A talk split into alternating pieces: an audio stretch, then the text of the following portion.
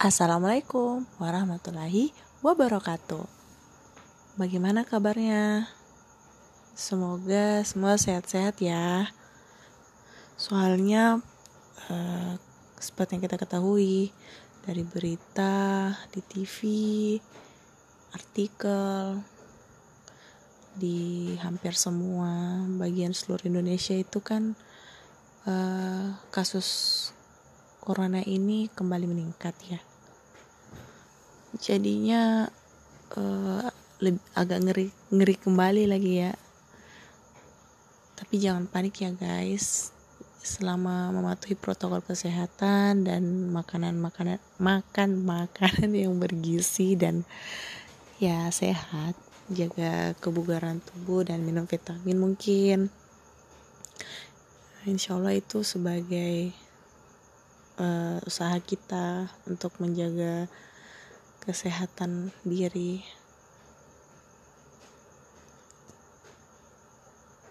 Terus di penghujung akhir tahun ini juga karena pandemi belum terlihat hilalnya berakhir yang rencananya kan sekolah bakalan buka tahun depan kan ya awal tahun depan ternyata kayaknya karena covidnya kembali meningkat di katanya di itu ya diundur. Padahal maunya sih uh, 2001 2021 tahun depan memulai hal yang baru gitu kan ya. Maksudnya hilang udah hilang corona ini gitu kan memulai hal yang baru kembali tanpa pandemi ini. Tapi sepertinya kita masih bakalan berada dalam pandemi ini guys. Uh, tapi tapi guys tapi. Bukan yang itu sih. Aku mau ceritain di episode kali ini. Kali ini itu aku mau share tentang pengalaman aku pengalaman baru ya di tugas negara ya ya iya sih. Tugas negara katanya. Itu yaitu sebagai anggota kelompok penyelenggara pemungutan suara di kelurahanku. Uh, seru sih. Jadi gue bakalan cerita panjang nih guys.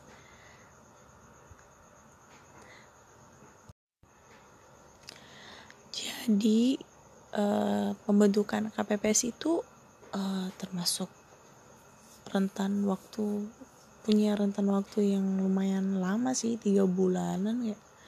Karena itu dari Oktober November Desember. Oktober ya dua Oktober. Ya tiga bulanan lah. Nah aku kira itu apa sih bukan bukan aku kira ya um, jadi istimewanya di tahun ini di istimewa pemilu di tahun ini dan pandemi itu adalah um, karena di atas 50 tahun itu sudah tidak diperbolehkan untuk menjadi anggota KPPS karena kan uh, kita seperti kita ketahui kan orang tua itu kan rentan untuk terkena virus. Jadi ya dibatasi sampai 50 tahun dan minimal umurnya itu 20 tahun. Ya 20 tahun. Jadi dari pembentukan itu kita awalnya disuruh mendaftar di uh, di PPS masing-masing. Biasanya sih di kantor lurah ya tempat kumpulnya. Dan persyaratan jadi anggota KPPS itu uh, pastinya warga negara Indonesia. Terus uh, yaitu tadi yang saya bilang berusia paling rendah 20 tahun dan paling tinggi 50 tahun. Dan uh, kita diberikan juga uh, kayak surat pernyataan ya setiap surat pernyataan setia kepada Pancasila sebagai dasar negara UUD RI kayak gitu. Terus mempunyai integritas pribadi yang kuat jujur dan adil. Uh, dan yang ini sih penting karena anggota KPPS itu diharuskan uh, dia itu bersifat netral. Jadi dia tidak boleh bukan bagian dari anggota parpol. Uh, dengan dinyat, yang dinyatakan kan dengan surat pernyataan yang sah atau paling singkat lima tahun tidak lagi menjadi anggota parpol yang dibuktikan surat keterangan dari pengurus parpol yang bersangkutan. Agak rempong kan guys? Agak banyak maksudnya dokumen yang diminta. Terus yang jadi KPPS itu di wilayahnya harus memang domisili di sana. Jadi ya saya kan ya saya di kelurahan masing-masing lah intinya. Saya jadi saya mendaftar jadi anggota KPPS di kelurahan saya sendiri begitu. Uh, ini kayak semacam apa sih mampu secara jasmani rohani dan bebas dari penyalahgunaan narkotika. Jadi itu kemarin disuruh bikin surat berbadan sehat ya selain uh, yang untuk seleksi administrasi karena ya saya juga heran sih surat berbadan sehat diambil kan bisa nanti rapid. Kan nanti maksudnya kalau sudah seleksi kalau berhasil lolos seleksi administrasinya e, bakalan di rapid test jadi untuk daftar ini ya untuk administrasi aja sih daftar e, harus punya surat berbadan sehat dari puskesmas terus e, pendidikannya minimal SMA atau sederajat. Jadi kita disuruh kumpul fotokopi ijazah dan terakhir tidak dipidana tidak pernah dipidana penjara berdasarkan putusan pengadilan. Ini aku lihat persyaratannya di Instagram PPS kelurahan aku guys. Karena gue lupa lupa sih. Udah lama kan kan bulan Oktober. Dan itu juga sih anggota KPPS ternyata tidak boleh menjabat dua kali dalam jabatan yang sama. Jadi ndak boleh kayak per kayak anu sih kayak periode jabatan kan ya yang lain kayak presiden minimal dua kali dua periode dua periode gitu kan ya. Jadi 10 tahun ini kan dua maksudnya dua periode ya dua tahun berturut-turut gitu kan nggak boleh. Maksudnya ya mungkin ini cukup dua kali aja gitu. Dua kali berturut-turut. Eh buset gue baru tahu juga nih. Persyaratan anggota KPS tidak berada dalam ikatan perkawinan dengan sesama penyelenggara pemilu dan ini penting juga sih yang ke-13 tidak mempunyai penyakit penyerta atau komorbiditas. Jadi ya lumayan banyak sih guys. Uh, persyaratan untuk jadi anggota KPPS rempong awalnya memang ini. Jadi kita suruh uh, dok kelempak kelengkapan dokumennya itu fotokopi KTP terus uh, bikin surat pernyataan setia kepada negara surat pernyataan yang tidak menjadi anggota parpol, surat keterangan dari partai politik, yang bersangkutan bagi calon yang paling singkat lima tahun tidak lagi menjadi anggota parpol, terus berdomisili dalam wilayah kerja KPPS ya seperti dia bisa dilihat dari fotokopi KTP elektronik kan guys.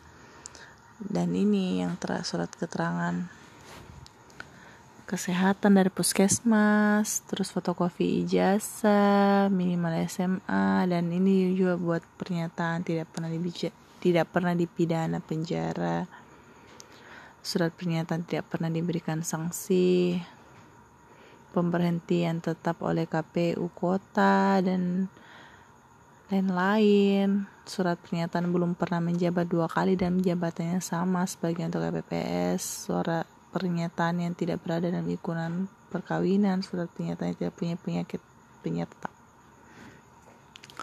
intinya rempong ya sis. Jadi tugasnya anggota KPPS ini cuman uh, pada hari H saja. Kalau dipikir memang nyantai kan ya sehari doang gitu kan ya sehari doang.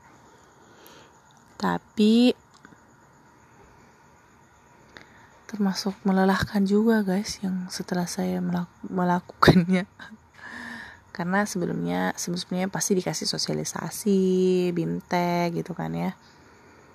Ya soalnya ini kan tugas penting ya kita yang mengumpulkan surat kita mengumpulkan surat suara kita yang pokoknya apa pun pekerjaannya itu pasti rempong guys. Nah setelah mengumpulkan fotokopi-fotokopi dan kelengkapan dokumen lainnya kita kumpul di uh, eh, PPS masing-masing. Biasanya sih di kantor lurah guys. Setelah itu palingan kita dipanggil beberapa kali seperti sosialisasi tingkat RT RW sosialisasi pendidikan pemilik kelurahan Tidung.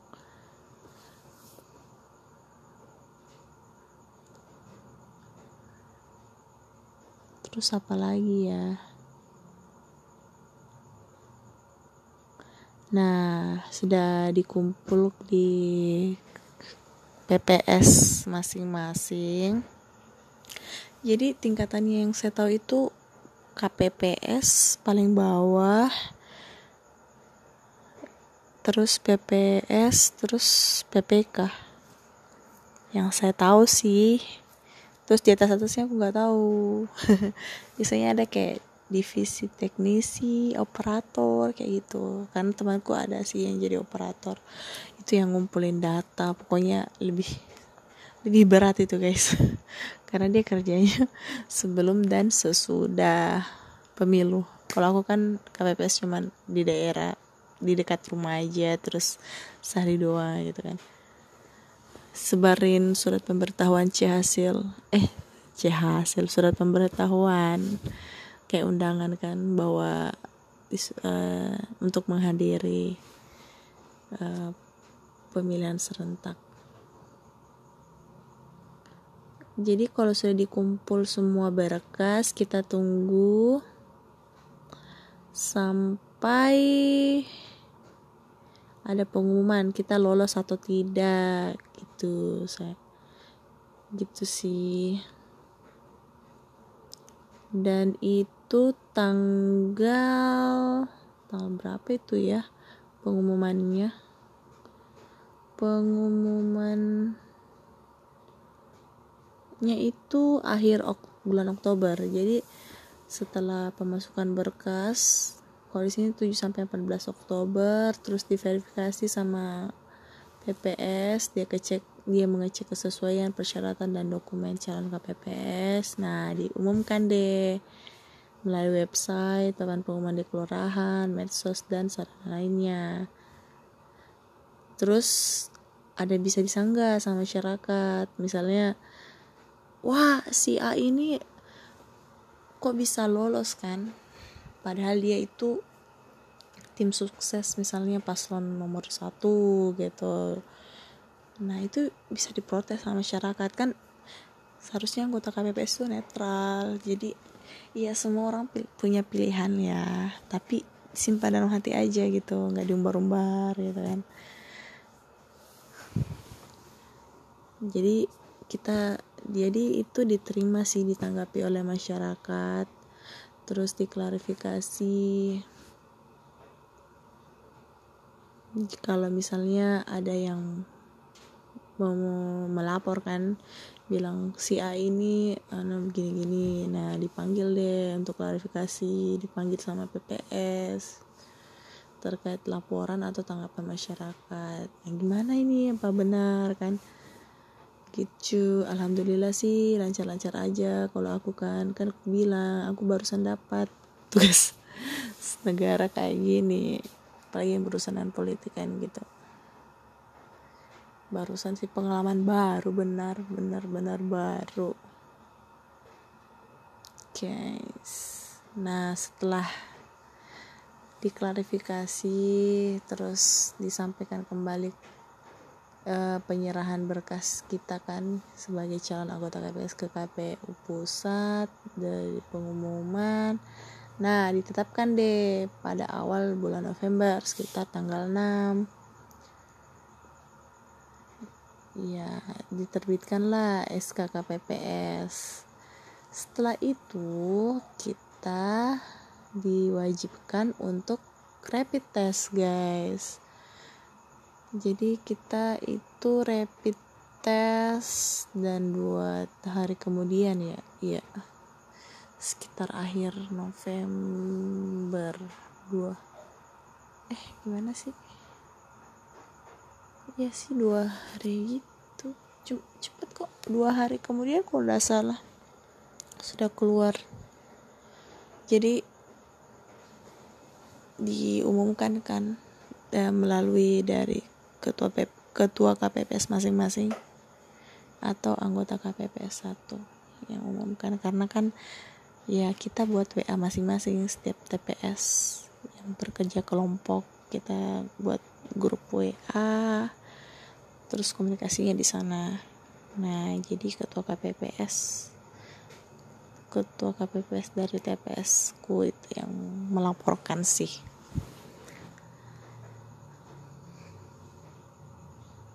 Nah bagi terus bagi yang reaktif itu dicarikan pengganti guys. Jadi alhamdulillahnya itu aku itu alhamdulillah negatif ya. Jadi lanjut.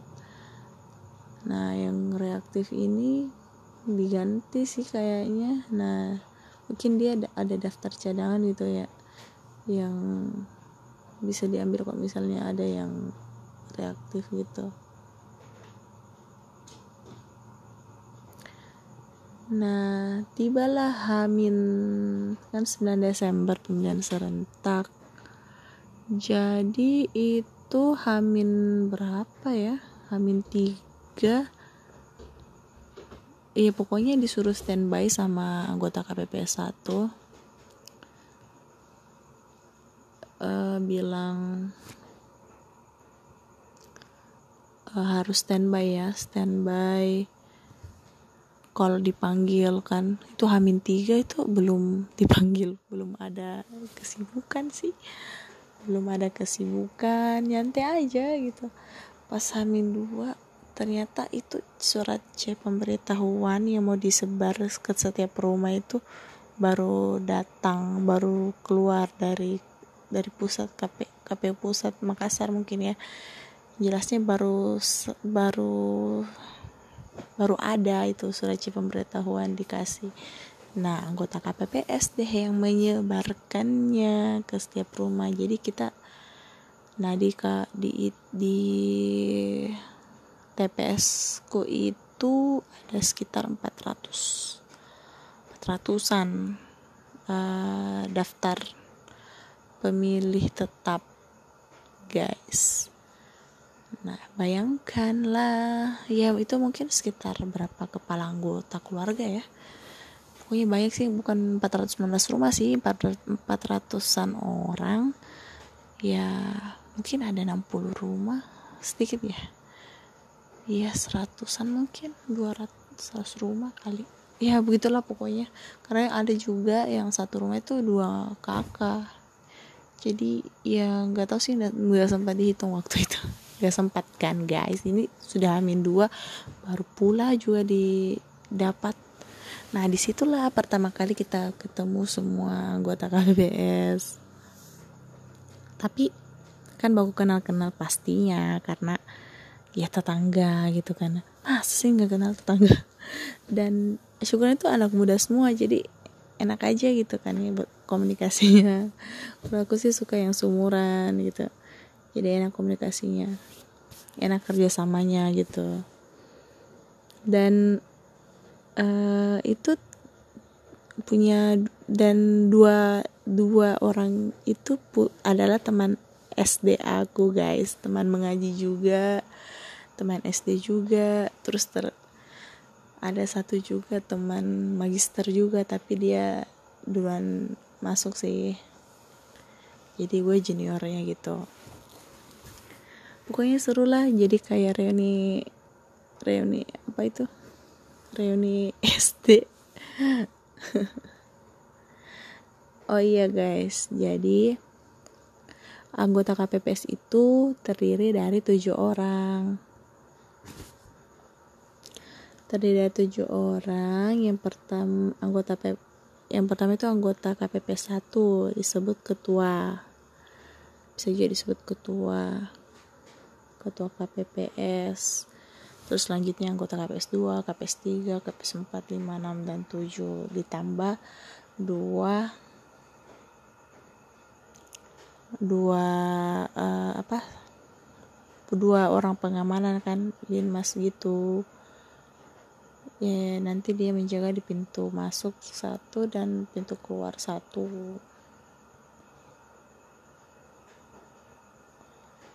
nah kalau tugas-tugasnya itu guys jadi KPP 1 atau ketua itu dia ini secara intinya aja ya guys.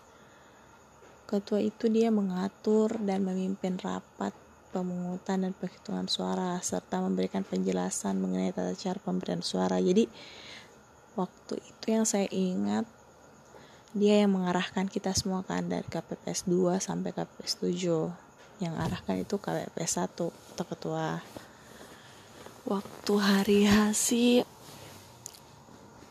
hmm, dia itu yang buka yang buka kotak kotak kotak suara yang buka. Karena kan di dalam kotak suara itu uh, ada berkas-berkas dan perlengkapan untuk memilih kayak tinta itu kan dari KPU memang. Terus kayak surat C hasil surat yang yang di tali-tali itu kan.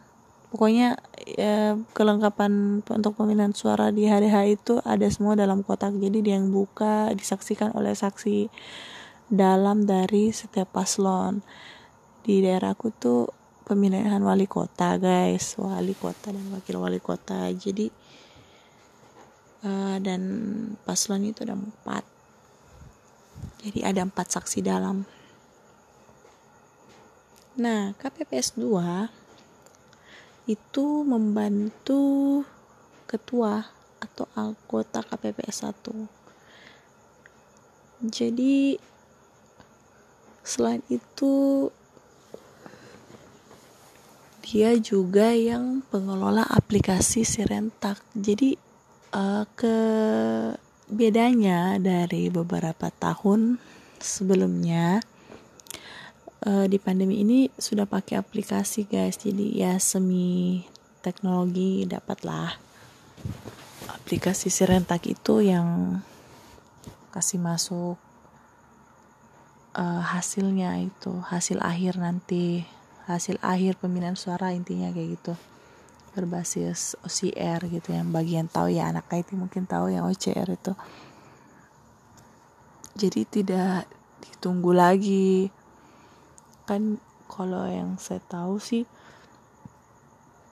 uh, hasilnya itu kan kotak KP kotak pem, kotak suaranya itu kan disimpan dulu di kelurahan terus nanti dibawa. Nah kalau kelebihannya pakai aplikasi ini ya langsung ke server kan langsung di push aja oh ada nanti dicocokkan mungkin dengan yang di dalam kotak suara itu. Hasil manualnya pasti tetap diambil. Begitu. Jadi intinya dia membantu KPPS 1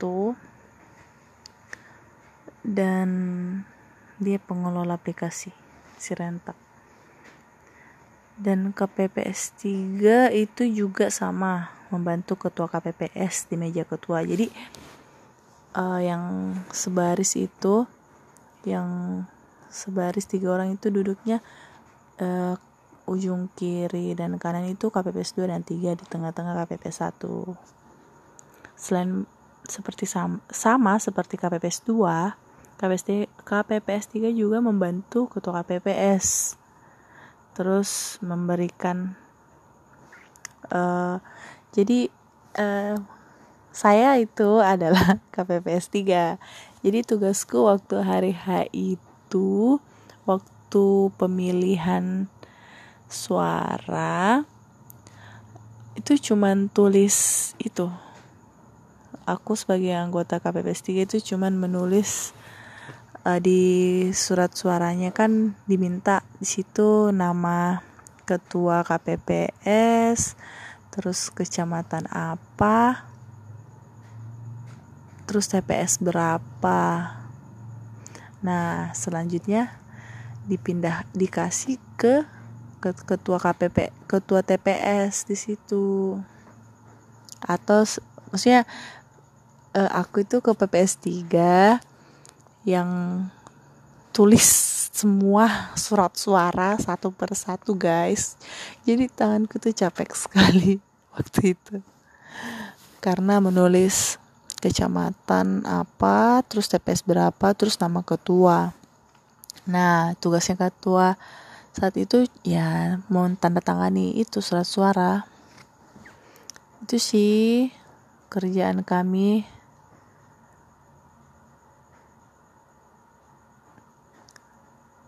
ya itu. Terus KPPS 4 itu yang paling rempong menurut aku guys. Karena dia yang langsung bertemu langsung dengan para peserta itu para pemilih suara. Jadi dia mencocokkan mencocokkan uh, eh, KTP dengan daftar pemilu tetap. Nah guys itu um, apa ya? Gimana ya jelasin ya jadi itu yang dibagikan di setiap rumah kan atau C surat pemberitahuan itu itu semua yang sudah terdaftar. Jadi maksudnya sudah ada datanya dari pusat bahwa dia domisili ini dia da, dia berhak memilih. Kan maksudnya jelasnya dia terdaftar sebagai penduduk domisilinya dan sebagai pemilih tetap. Jadi daftarnya datanya ada lengkap dari kak nomor kakak KTP tempat tanggal lahir uh, iya begitu lengkap jadi tinggal dicocokkan. Kalau daftar pemilih tetap. Nah yang kedua jenis kedua itu adalah daftar pemilih tambahan. Ya DP, itu DPTB sebenarnya yang ketiga sih tapi ya jadi kedua aja. DPTB kalau DPTB itu KTP-nya domisili daerah e, di KTP-nya itu kan ada domisili dia kecamatan apa kelurahan apa kalau kalau memang dia betul uh, tinggal di sini dia bisa memilih meskipun tanpa ada surat pemberitahuan meskipun tidak dapat surat pemberitahuan, meskipun namanya tidak terdaftar di daftar pemilih tetap atau DPT. Dia bisa memilih. Tapi dia memilihnya jam 12 sampai jam 1. Jadi satu jam terakhir sebelum uh, pemungutan suara dimulai atau berakhir kan pemilihan suaranya. Nah, yang ketiga itu daftar pemilih pindahan DPPH itu harus ada surat A5 istilahnya gitu ya. Jadi sebelum pemilihan suara itu jauh-jauh hari dia sudah mendaftar. Kalau misalnya dia kerjanya di kelurahan ini kan. Misalnya orang dia itu orang Bulukumba tapi dia mau mendaftar. Eh dia mau melang, dia mau menggunakan hak suaranya di tempat dia kerja. Misalnya dia kerjanya di sini di Makassar. Jadi ya dia harus melapor dulu dibuatkan surat A5 kalau proses jelasnya saya kurang tahu yang jelasnya dia harus punya surat A5 kalau mau memilih di tempat eh, yang dia mau itu kan. Jadi harus daftar dulu melapor dulu intinya. Jadi itu tiga jenis uh, pemilih guys. Jadi ada DPT daftar pemilih tetap yang dapat undangan kan? Yang sudah terdaftar memang namanya. Yang kedua itu DPTB daftar pemilih tambahan yang tidak dapat C surat pemberitahuan dan dia tidak terdaftar dalam daftar pemilih tetap. Itu termasuk DPTB dia cuma bisa memilih satu jam terakhir lah. Dari jam 12 sampai jam 1 yang terakhir adalah DP PH daftar pemilih pindahan yang ya kayak tempat kerja kan. Beda dengan tempat lahirnya. Maksudnya domisilinya. Tapi dia mau memilih di tempat kerjanya gitu. Dia harus sebelum jauh-jauh hari pemilihan dia harus melapor kali merempong kasus iya rempong. Mending iya gitu sih pokoknya rempong. Nah waduh aku potong tadi ya pokoknya itu KPPS 4 pokoknya dia itu bertempat di dekat pintu masuk TPS jadi dia punya tugas menerima pemilih yang akan masuk ke dalam TPS nah dia itu yang sibuk rempong kan harus dia cek dulu oh ini cek berdasarkan ha, jadi harus bawa surat harus bawa KTP elektroniknya guys ya. Mungkin semua orang tahu sih. Ya pokoknya harus bawa identitas diri KTP ya. Jadi dicocokkan dia ada ndak namanya di di itu di daftar pemilih tetap kondada ya baru. Dia tambahan. Kalau memang domisilinya memang di situ ya guys. Pokoknya yang rempong sih menurut aku di situ di KPPS 4 nah di KPPS 5 itu dia berdampingan sama KPPS 4 jadi dia yang bertugas mengatur pemilih yang menunggu giliran untuk memberikan suara dan pemilih yang akan menuju ke bilik suara.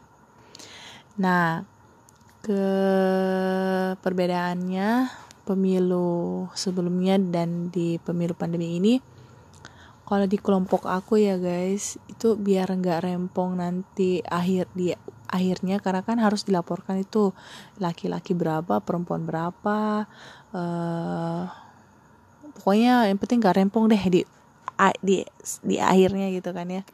Nggak kerja dua kali intinya. Jadi uh, ya kita atur kan ya. Uh, yang terus juga waktu datangnya ditentukan guys biar nggak kerumun sih. Uh, ada yang jadwalnya dapat jam 7 sampai jam 8 ada jam 8 sampai jam 9 jam 9 sampai jam 10 kayak gitu. Biar nggak nggak menim tidak menumpukan kan kita kan menghindari kerumunan karena pandemi. Pokoknya KPPS 5 itu membantu KPPS 4 sih pokoknya dia kerja sama gitu. Guys jadi pakai oh iya ini tadi aku mau bilang gue lupa. Jadi itu setiap pemilih diwajibkan pakai disediakan uh, apa namanya namanya sarung tangan plastik. Kan sih? Iya sarung tangan plastik yang biasa dibikin dipakai emak-emak itu ya. Untuk bikin kue gitu kan ya. Pokoknya sarung tangan plastik dipakai. Terus disuruh bawa pulpen masing-masing guys. Dan tentunya harus pakai masker. Dan sebelum masuk itu harus cuci tangan dan diperiksa suhu oleh uh, petugas keamanan di pintu masuk.